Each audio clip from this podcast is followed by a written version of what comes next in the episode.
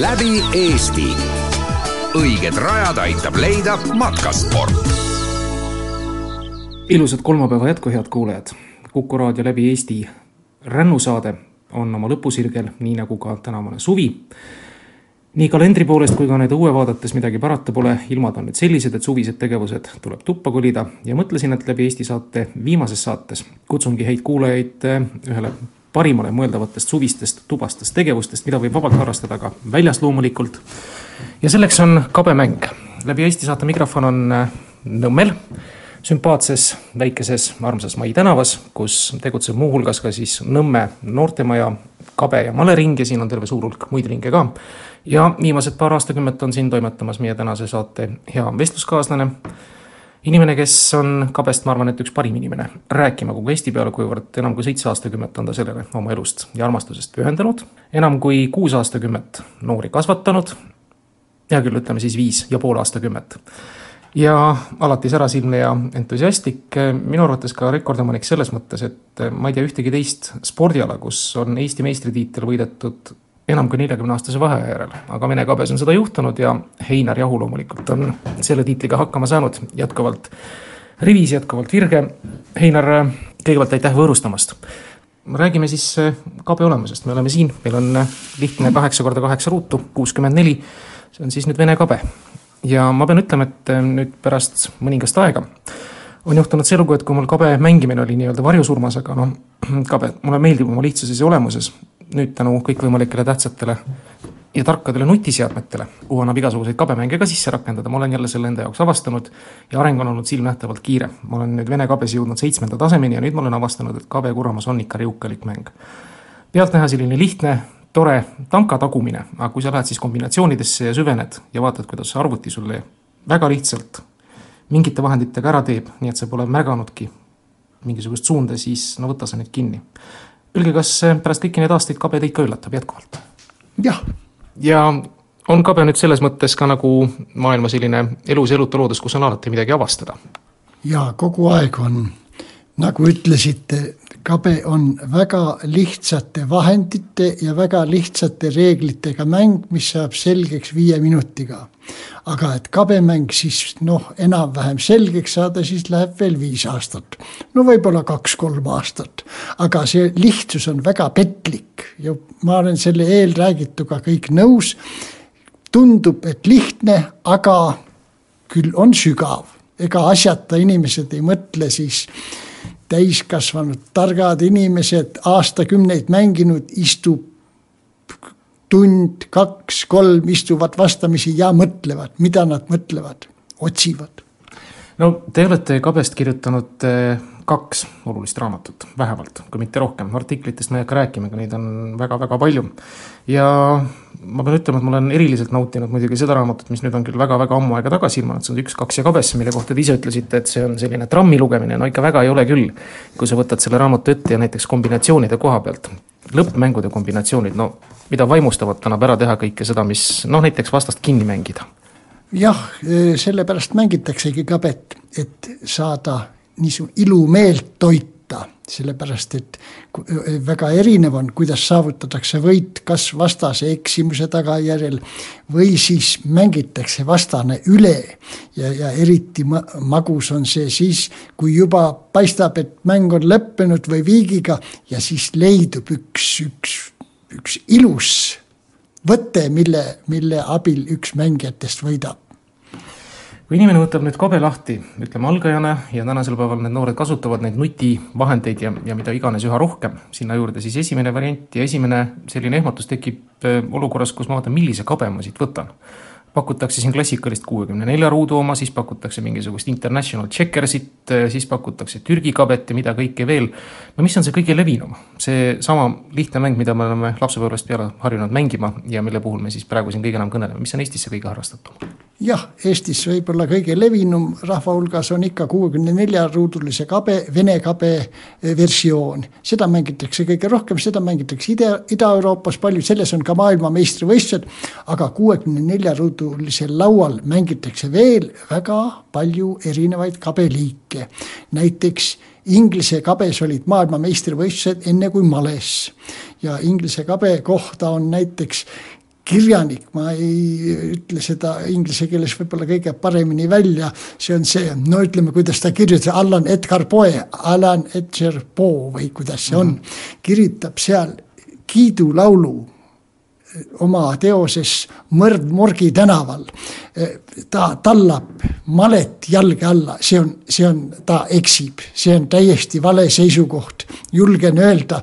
muidugi hea meel, et ta kabest nii kirjutab, see pidi olema malega võrreldes loogiline mäng ja nii edasi, male pidi juhuse mäng olema, see ei ole õige kahtlemata, aga see näitab, et, et kabes on, kahtlemata on, raske on öelda missugune siis see raskem või kergem on, kas nüüd see vene kabe, mis meie mängime, või ähm, Checkers või Brasiilia kabe või Itaalia kabe näiteks, kus laud on keeratud üldse pööratud üheksakümmend kraadi, nii et mm. teistpidi hoopis on. Ma küsisin ühe Itaalia meistri käest, kes oskas nii vene kabet, Itaalia kabet kui ka rahvusvahelist kabet, sajaruudulist kabet. milline siis on kõige huvitavam? mõtles, mõtles tükk aega ja minu suureks üllatuseks vastas Itaalia kabe. ma ütlesin, seda ütled kindlasti patrioodina, Itaalia patri-. ei, lõppmängud on väga huvitavad. mis lõppmängud on teistes ka, aga no see näitab, et iga, igas, igas mängus on midagi, midagi huvitavat, mida avastada. aga siiski dünaamilisuse poolest on need kabemängud, kus näiteks kabesse löömisel muutub kohe kabeks, siis need kabed on tõenäoliselt niisugused suurema löögivõimega. aga ei taha laita ära ka teisi kabeliike. kõige suurem kabe laud on kanadalastel, neil on saja neljakümne nelja ruuduline kabe. seal ütleme, et kerge partii või, või välgumäng, nagu öelda, no see kestab ka võib-olla pool tundi aega. seal on jah, märgatavalt suurem oo oh jaa, Vene kabe oma lihtsuse just nimelt, et see kabe moodustab siin kohe löögijõu, see ju paneb ehm, noh, see, see muudab praktiliselt maailma, nii-öelda kabemõtleja maailma, et, et siin see, mis eelnev oli, see, see kõik ju kahvatab selle kõrval, juhul kui sa nüüd jõuad lõpuruutu välja, mistõttu siis kõige tugevam kabesse jõudmine või siis noh, kivi või tamka või kuidas seda kutsutakse erinevates versioonides. see on siis kõige tugevam versioon siin küll. nii me olemegi siin juba sujuvalt nupud lauale seadnud, ma vahepeal küsin ära ka, et eh, kui noored teile siia Nõmme noortemajja kõige nooremana tulevad? Kõige noorem on õppinud käigud selgeks kolmeaastaselt. no see on niisugune erand, neljaselt juba mängivad päris, viieaastaselt on paras mõnel, viie-kuueaastaselt, see on päris paras. Ja Nõmme noortemaja kaberingil on grupid lasteaias. Ja, ja lasteaia lastest on tulnud Eesti meistrivõistlusel medalile kolm last.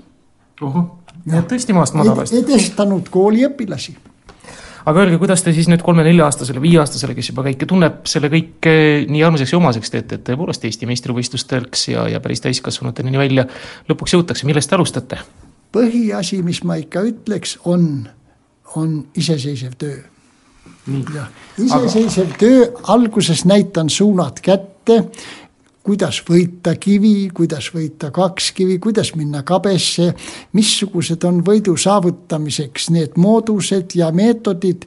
Ja, ja siis mõnele hakkab see kiiremini külge, mõnel läheb rohkem aega, aga see, et läheb rohkem aega nende selle äh, esialgseks arenguks, ei tähenda sugugi seda, et temast ei tule hiljem kõva mängija või väga kõva mängija, nii et maha kanda näiteks seda mängijat, kes ütleme, on paarikuuse või kolmekuuse mängu järel jäänud kellestki teisest maha, see ei ole mitte õige. sellest võib tulla mängija. läbi Eesti. õiged rajad aitab leida matkasport kuidas nüüd tänapäeva lastega on, mida aeg edasi, seda rohkem räägitakse, et lapsed on aina püsimatumad, väga palju on selliseid keskendumisehäirega lapsi ja, ja kõikvõimalikke muid selliseid segavaid tegureid sinna juurde. kuidas te saate lapsed keskenduma siia ruudulise laua taha ja kohe pikaks ajaks ja ühel hetkel tekivad ju ka kohustused partiisid üles kirjutada, küll see võib tüütu olla ja nii edasi väga, väga, väga tuttavat äh, juttu räägite. esimene, kes küsis minu käest, kui ta nägi, oli üks haridus, Nõmme haridusosakonna töötaja. Äh, see oli samas majas siin Mai tänaval, kui ta nägi, et siin on üks kümme-viisteist last istuvad laua taga ja, ja, ja muudkui küll harjutavad, küll mängivad ja kutsus mind oot-oot, kuidas te, kuidas te meelitate need lapsed siia mängima? ma ütlesin, see kabe mäng meelitab nad ja, aga kõik on muidugi õige ka, lastel kulub vast natuke liiga palju arvutile ja arvutimängudele. Nendel on ka teatud positiivne mõju, aga ei saa nendega vast liiale minna. aga arvut-, neti kaudu ja, ja interneti kaudu toimub kabemänge ja tõesti väga palju on, on äh, ju need masinaga mänguvõimalusi ja ma ei mõista neid, seda asja küll sugugi ära laita. aga, aga eks see jaotus tuleb ja mis muidugi on väga tähtis, on enda arendamine mitmekülgselt. muusikast, muusikaga tegelevad paljud lapsed ja nii edasi. Siin on nüüd üks suur vahe näiteks võrreldes Eestiga või võrreldes siin Hiinaga või Venemaaga või nendega võrreldes meie lapsed on ju no ütleme nii, et no ikka amatöörid täiesti, meie laste harjutamise võimalused on, ütleme kaks korda nädalas kolm tundi või niimoodi umbes seda, aga nende konkurendid Venemaalt näiteks, kellega nad võistluse ajal räägivad ja küsivad, palju te treenite, viis päeva nädalas, neli-viis tundi korraga. no see on meeletu koormus, ma ei tea, ei taha ära laita seda ei teist, aga ma arvan, et, et võiks siiski jah, on kunagi mul kuuldud näide, et kusagil Venemaal mingis malekoolis oli siis õppeaasta esimene tund saali täis lapsi tuli sinna kohale, kuulasid ära direktori juttu ja direktor küsis, et tõuske nüüd palun püsti need, kes käivad muusikakoolis. no pooled umbes tõusid püsti, seepärast see on väga ka nii, te olete vabad.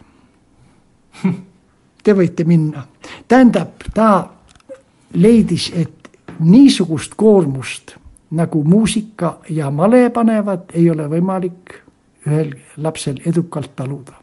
Mm.. ma ei ole küll kedagi ära saatnud, vastupidi, ma küsin, et mis ala sa veel teed.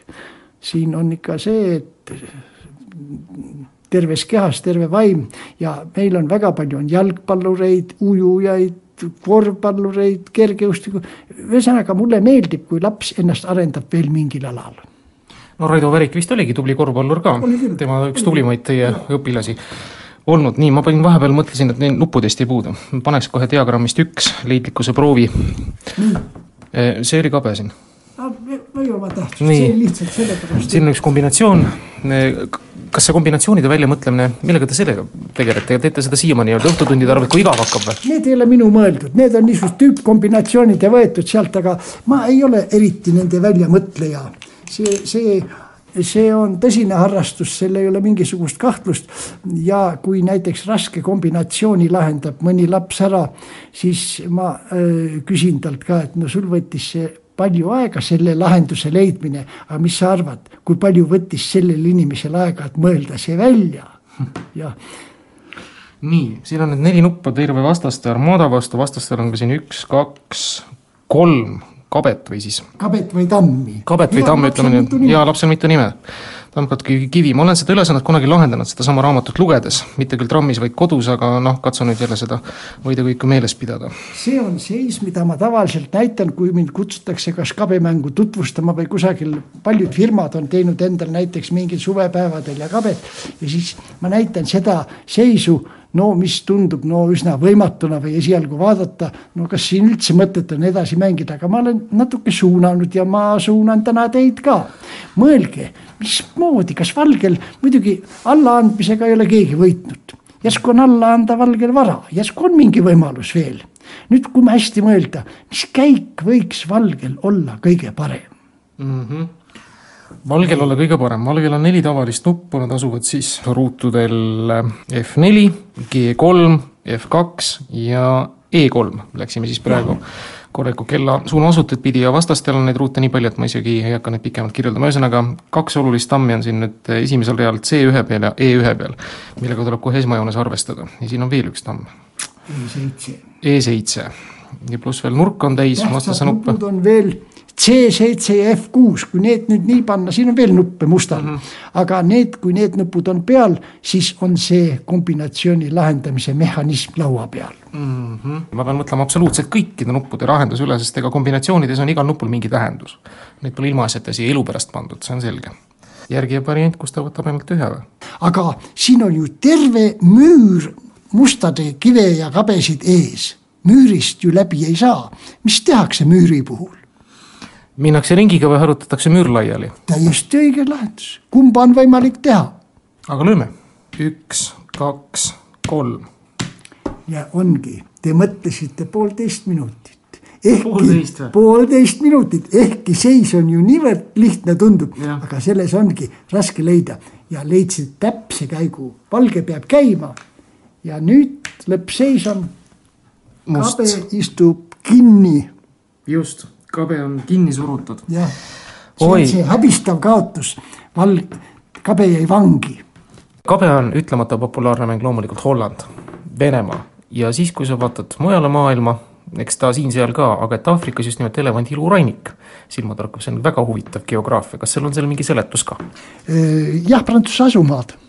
See on Prantsusmaa oli omal ajal maailma võib-olla kõige kõvem kabemaa ja väga palju propagandat tehti. Aafrikast on tulnud ju kuulsaid suurmeistreid, näiteks võib-olla noored inimesed ei mäleta küll, see on Babassi oli kunagi üks suurmeister ja maailmameister ja, ja Prantsuse asumaades on kabe levinud kõige rohkem ja kõige kõvem kabemaa Aafrikas on Senegal Senegali suurmeistritega ma olen koos võistlustel olnud ja tegin ettepaneku, et teeme matši eh, Senegal-Eesti ja nad siis nagu oi-oi, kümme-null, kümme-null Nemad võidavad. aga nad mänginud Eestis ja Eesti on korraldanud ju maailmameistrivõistlusi. no üle kahekümne korra on toimunud Eestis tiitlivõistlused, maailma ja Euroopa meistrivõistlused ja, ja meil on Nõmme KB klubis on huvitavaid inimesi käinud, näiteks Läti suurmeister, mitmekordne maailmameister Kunti kes andis Nõmme klubis simultaani siis kelladega veel jah? ja, ja see oli kümnel laual kella, pärast simultaani ütles, et see oli minu kõige raskem võistlus mm., ütles niimoodi. jah mm., kelladega simultaan on raske, seepärast et seal on ju niimoodi, et sul võib üheksa kella käia, ühte mõtled ise siis ja. ja Hardi Tiidus käis meil külas mängib, mängis väga hästi kabet, näitas meile pärast ühe ülesande koguni mm. ja ta oli, ta oli ka täitsa, ta oli no, noh, ütleme nii, talle kabe hästi meeldis kohe, jah. läbi Eesti, õiged rajad aitab leida matkasport. Läbi Eesti saade jätkab kabejutte tänases viimases saates koos kabepedagoogi ja treeneri ning Nõmme noortemaja väga paljude ringide juhendaja Einar Jahuga. esimeses saatepooles rääkisime siis üldiselt kabest, sellest lihtsusest, mis tegelikult on väga keeruline, lahendasime ka mõned kabeülesanded.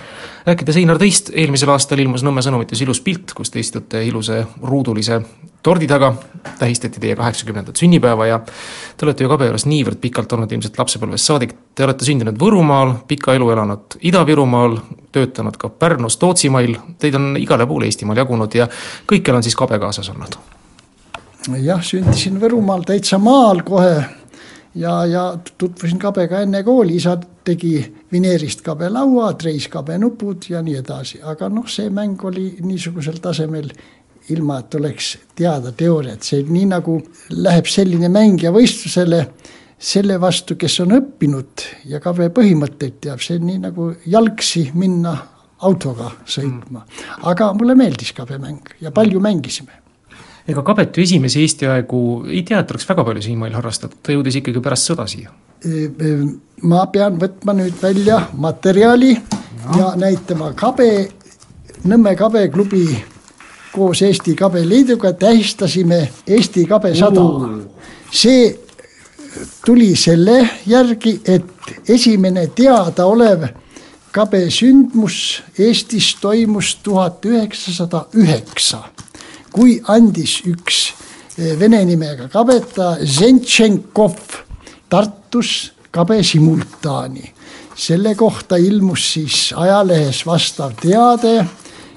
Eestis on välja antud ka kabe ajakirja sama mees toimetas seda ja siis seal oli kirjutatud ajakirjas niimoodi, et Tartusse kogunes simultaanile nii palju mängijaid, see ajaleht Šašnõdossugi kirjutas, et tuli nii palju mängijaid, et korraldajatel ei olnud varutud ei laudu, ei toole ega mänguvahendeid. Ja siis e, need mängijad läksid koju, tõid oma kabenupud ja, ja tooli kaasa ja mängiti see simultaan ära nii et täpset arvu, seda ei oska isegi vist öelda, seda protokolli ma ei ole näinud ja siin ei ole ka, aga eeldatav arv on kusagil üle kolmekümne mängija oli hmm no siis on ikka kabet kauemaks jätkanud, ma lihtsalt vaatasin Eesti esivõistluste järgi ja tegin sellise meelevaldse järelduse, et kabet on kuidagi nii vähe mängitud meil. aga ta ei olnud, aga see oli täiesti õige, et ega ta see esimese Eesti Vabariigi ajal eh, ametlikke võistlusi ei toimunud, aga oli üks kõva maletaja ja kabetaja Johannes Türn, kes toimetas eh, kabenurka. kahjuks ei ole mul täna kaasas, aga no ega raadios ei mm. näha, näeks ka seda. tal ilmus vähemalt ühe aasta jooksul kaksteist kabenurka ja seal ta siis avaldas ülesandeid ja, ja, ja mm, tutvustas kabemängu. nii et mm, aga kabe jah, pärast Eesti eh, tähendab eh, sattumist Vene alla, siis hakati korraldama kabevõistlusi juba ja seesama Johannes Tü-. Türn oli üks aktiivsemaid, aga kõvemad mängijad olid Tartus, ei tea, kas selle, selle Sentšenkovi simultaani põhjal või niimoodi. siis oli niimoodi kabevõistlused, esimesed toimusid niinimetatud oktoobriturniiri raames, kus oli kümneliikmelised eh, maakondade võistkonnad ja seal oli kaks lauda kabet ka sees. ja siis Tartust olid kõvad mehed, olid Eeri Olli ja Oppmann, Leo Oppmann. Tallinnast olid Türn ja, ja Hunt ja teised mehed. nii, te ise, nagu ütlesite, enne kooli juba õppisite mängima, Eesti esivõistlustele jõudsite, millal te esimese kulla saite, oli kuuskümmend neli, jah? esimese kulla ma sain noorteklassis oh., see oli tuhat üheksasada viiskümmend üks Haapsalus. koolinoorte meistrivõistlused, seal ma sain kulla no.. õigemini seal ei olnud medaleid, seal oli Eesti koolinoorte meistrimärk anti ja, ja see oli viiskümmend üks aga siis ma hakkasin ja siis kutsuti, siis Eesti meistrivõistlusi korraldati Vene kabes niimoodi, et kutsuti, võib-olla selle oktoobriturniiri põhjal ja Eesti noorte ja viiskümmend kolm vist mängisin esmakordselt. ja, ja viimane turniir, mille te kaasa tegite Eesti esivõistlustel oli? Tähendab, siin on jälle üks küsimus, üks koolivend küsis, ei noh, võtame ikka see, need tavalise kabe, aga see oli erineva ajakontrolliga, ma mängisin eelmise aasta välkkabes ja kiirkabes kaasa, välkkabes tulin teiseks. Äh, kaotasin äh, järelmatši ära. aga ütleks niimoodi, minu arvates on need kõik, kõigi ajakontrolliga ametlikud, sellepärast kui võtta välkkabe, see on siis saja meetri jooks. Kiirkabe, see oleks siis neljasaja meetri jooks. tavaaja kontrolliga, see oleks siis niisugune klassikaline tuhat viissada või. aga on ju veel kirikabe, see oleks siis maratoni jooks, nii et mm -hmm. praegu mulle küll meeldib, et erinevate ajakontrollidega korraldatakse. no ujujatel on ju ka samuti erinevad no, distantsid on nii, et ma arvan, et võib lugeda no,. aga muidugi jah, kõige autoriteetsem on, see on see tavaaja kontrolliga kirikabes on ju lubatud konsultatsioonid ja kõik siin arvavad, et noh, seal ei tarvitse, aga kirikabe nõuab samuti analüüsioskust ja kõike muud, nii et. kuidas seda tänapäeva kirikabet mängitakse ikka klassikaliselt e ümbrikuga või nüüd juba e-postiga? nüüd e-postiga e, jah, e-posti, ümbrikuga enam vist, oli vist üks turniir, kus mängiti nii, nii te, seda kui teisiti, aga e-posti mehed mm, loobusid järgmisel aastal, seepärast et no mm. ei jõua ära oodata neid. aga ikka e-postiga on e-postiga on üsna populaarne. Öelge nüüd kuivõrd te olete aktiivselt ikkagi ka kabes olnud ka mitte ainult pedagoogi, vaid ka sellise aktiivse võistlussportlasena, no mina ei kujuta ette ja, ja ei saa ka seda mulle ette heita. kui mina istuks näiteks oma õpilaste, õpilaste, õpilastega ja veel sealt üks aste allapoole istuks aga ühe laua taga, mis tunne see on? Eriti kui õpilane ära teeb. kuidas, kuidas sellega on, kui mentorist minnakse mööda? ainuke kaotus, kus ei ole pärast kibestumist. noh, seepärast see on ikka niimoodi, et, et no ma ju selleks teda õpetangi ja see on suur võit ja sellest ta saab väga palju enesekindlust. kui ta ületab selle barjääri, selle saab usu endasse, see on ju suurepärane ma olen kaotanud, no ma arvan, et umbes kümnele või viieteistkümnele oma õpilasele olen kaotanud. praegu on juba palju minust kõvemaid, no ikka üsna palju. aga eks ma mängin veel, kabe on niisugune ala ju, kus saab mängida, ma ei tea, millal ma ta lõpetan, noh, on siis mõtet praegu lõpetada? üldse mitte, üldse mitte. Ja mitte ainult kabet, suvel me mängisime ka ühte turniiri, ka ühe laua taha ei sattunud, ka Jüri Ratasega malet, eks ole. Teil läks palju-palju paremini kui minul. ei et... läinud, ma oli, mängisin seal kehvasti. Mul oli enda, enda vabanduseks, mul oli vist kaks turniiri korraga, seepärast järgmine päev olid Eesti meistrivõistlused. nüüd on uus ala, olete kuulnud Eesti meistrivõistlused kahevõistluses. malekabe. lisaga mälumäng ka juurde jah, Hollandis on bridž juurde lisatud, aga tegelikult siin on mängitud neljavõistlust, male, kabe, lauatennis ja Corona. Corona, jah ja,, noh kaks sellist viisi. siis on mängitud viievõistlust ja on väga palju, aga siin on, ta läheb pikemaks. male ja kabe võib-olla kõige rohkem omavahel sugulased, praegu on toimunud viis aastat ametlikud Eesti meistrivõistlused mm.. maleliidu diplomiga ja medaliga autassustab, nii et tundub, et see on mm, saanud elujõuliseks spordialaks. läbi Eesti õiged rajad aitab leida matkasport kui me siin saate alguses kutsusime kuulajaid üles kogu seda lihtsust nautima tubase tegevusena, eriti kui väljas vihm sabistab ja kui mõnusasti vastu akna mm, loodame, et ikkagi plekist aknalauda lööb, siis on see ütlemata hea interjöör ja mõnus õdus, pole paremat tunnet, kui istuda soe tee näiteks käeulatuses ja vaikselt siis mõtiskleda kabelaua taga näiteks koos kaaslasega. Eesti Kabeliidul on ju tegelikult sellised, on see igakuised või nädalased eh, mingisugused sariturniirid, kus võib ka tavaline inimene tänavalt tulla, proovida, käikida, tunneb, nagu ütlesite, see on ju viie minuti töö, selgeks saada. ja, ja siis lihtsalt võimeid võrrelda ja üldse mitte ennast pahasti tunda, kui esimeste kordadega hästi ei lähe jaa, kabeliit korraldab äh, iga kuu ühe seeria turni- äh,, seeriavõistluse Vene kabes. Nõmme kabeklubi korraldab äh, iga kuu võistluse sajaruudulises kabes ja kuuekümne neljaruudulises kabes, tere tulemast Nõmme. ootame Nõmme turniiril täiesti, osavõtt on vaba, kõik on teretulnud ja meie kalenderplaanis on niimoodi, siin on vahe Nõmme omadel on sellega, et meil kolm suvekuud ei mängita Nõmme noortemajas on puhkused ja, ja suvel on midagi muud vaja teha. Mm.. laagris oleme lastega ja nii edasi, aga kahtlemata niisugused seeriavõistlused on väga head. no toredasti arendatavad ja ühel hetkel saab siin sõpradeks ka viltu vaadata või kuidas see seltskond siin on, vahetub ta iga aasta palju või on selline suhteliselt monoliitne kabetajate seltskond? nii ja teisiti, uusi tuleb ikka juurde proovida ära. Ja mõni pettub üks-kaks korda mängib ja saab aru, et kõige rohkem muidugi mõjub see halvasti, kui eh, kaotada kümneaastasele lapsele näiteks seal. Ja meil on, eh, Nõmmel on ju palju noori, kes mängivad. Meie noored on olnud ju aastaid üsna seal eesotsas. Mm kuidas te lastele turniirikabet selgeks õpetate, et kuidas viie-kuueaastane nüüd tõesti selle pesivusele võib-olla kellaga mängib midagi, teeb ja kirjutab üles ja siis tõesti tunneb, et on ühena osast võistlusest? ei mingit probleemi, ta lihtsalt teab, Eesti meistrivõistlused mängivad ju lasteaialapsed kümneaastaste, see tähendab kõige nooremas vanuseklassis, nii nagu nimetame eestikeelselt, see on pisikadetid. seal mängivad ja mängivad nii palju, kui mõtlemise aeg on antud, nad saavad kipuvad kiirustama, see kiirustamine ongi lastel põhiasi. no siin on erinevad iseloomud on, no on meil näiteks praegu kaks last, kes tõesti ei kiirusta ja, ja mõned mängivad väga kiiresti ja see on ikka, sõltub kõik iseloomust ja kuidas on ja, ja aegamööda seda ei saa kiiresti, see nõuab kannatlikkust, enne kui nad saavad ja põhjendada, miks kiiresti mängida, pärast partii analüüsil. Näitame, kuidas sa tegid niisuguse nõrga käigu.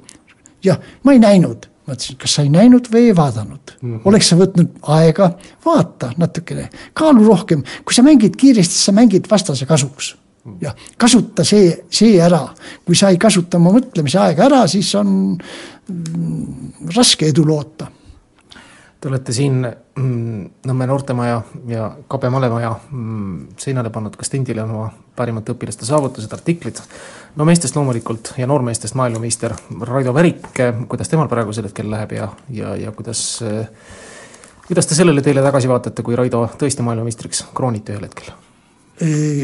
vaatan seda, et ta oli väga andekas, aga ta oli ka väga töökas, praegu nii töökat, ma lastele räägingi, kui teist keegi eh, teeks sama palju tööd, nagu Raido Värik tegi, siis ei oleks sugugi võimatu, et teie tuleks ja ütlen, et praegu teie oma vanuses, kaheksa-aastased, üheksa-aastased, et te olete kõvemad, kui oli selles vanuses Raido Värik.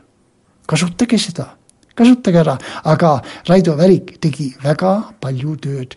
vot kunagi üks treener ütles, et ühe õpilase kohta, et vot see on just niisugune õpilane, millest iga treener, vot Raido Värik oli selline õpilane, kes, kes, kes tõesti, keda tuli tagasi hoida enne, jah ta tuli viieteistaastasena, ta tuli maailmameistriks eh, niinimetatud kadettide vanuseklassis, mis on kuueteistaastased järgmine aasta tuli Eesti, vaid vabandust, Euroopa noortemeistriks samas vanuseklassis ka välkkabes.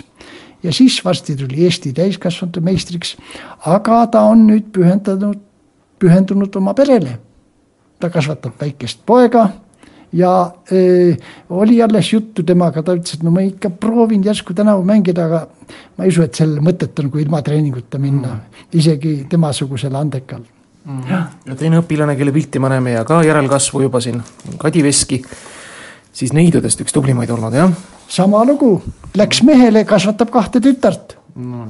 ega see ei olnud Kadi, kes meil ukse vahelt sisse vaatas? ei, ei, ei., see oli ühe teise ringi õpilane no,, õpetaja. Kadi, Kadi oli just äh, laupäeval mul külas ja mm. koos tütrega ja kõik väga tore, aga ei jää aega.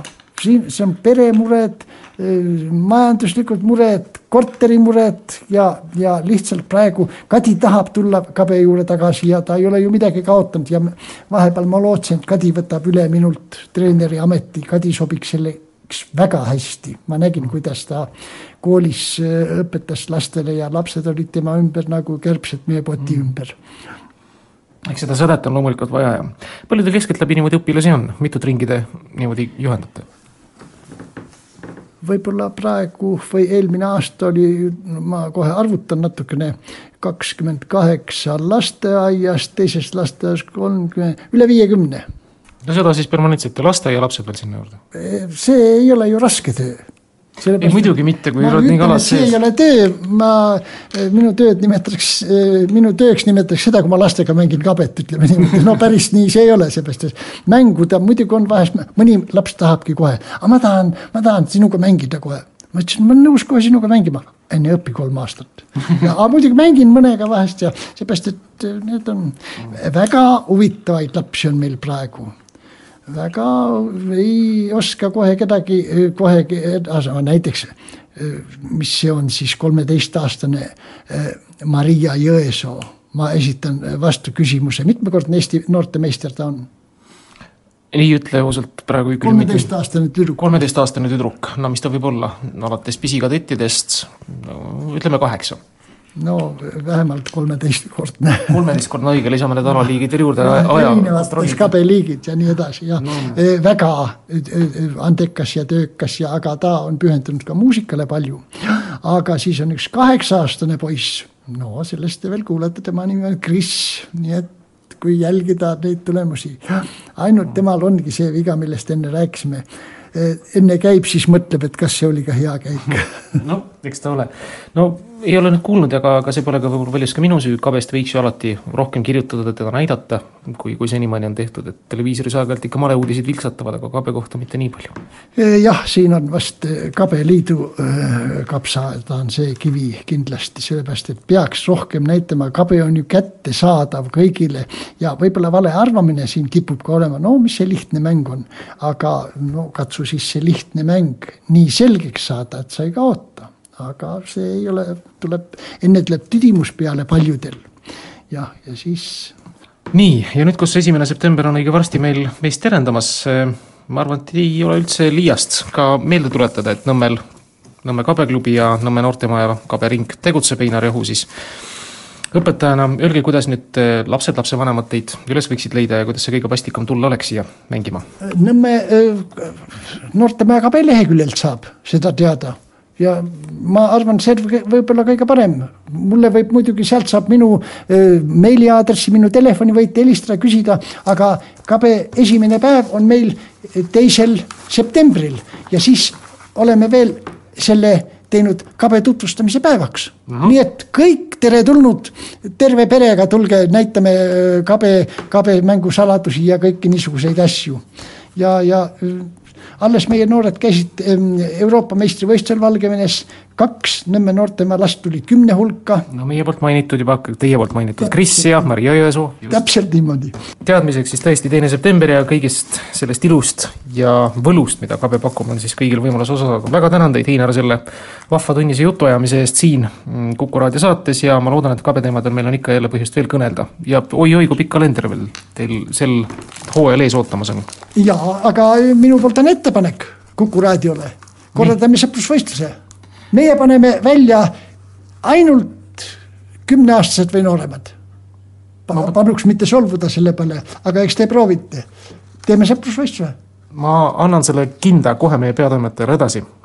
läbi selle eetri siinsamas, nüüd ja kohe. ja annan siis ka ilmsesti läbi eetri ja teile loomulikult ka telefonisse vastuse selle kohta teada. aitäh. läbi Eesti õiged rajad aitab leida matkasport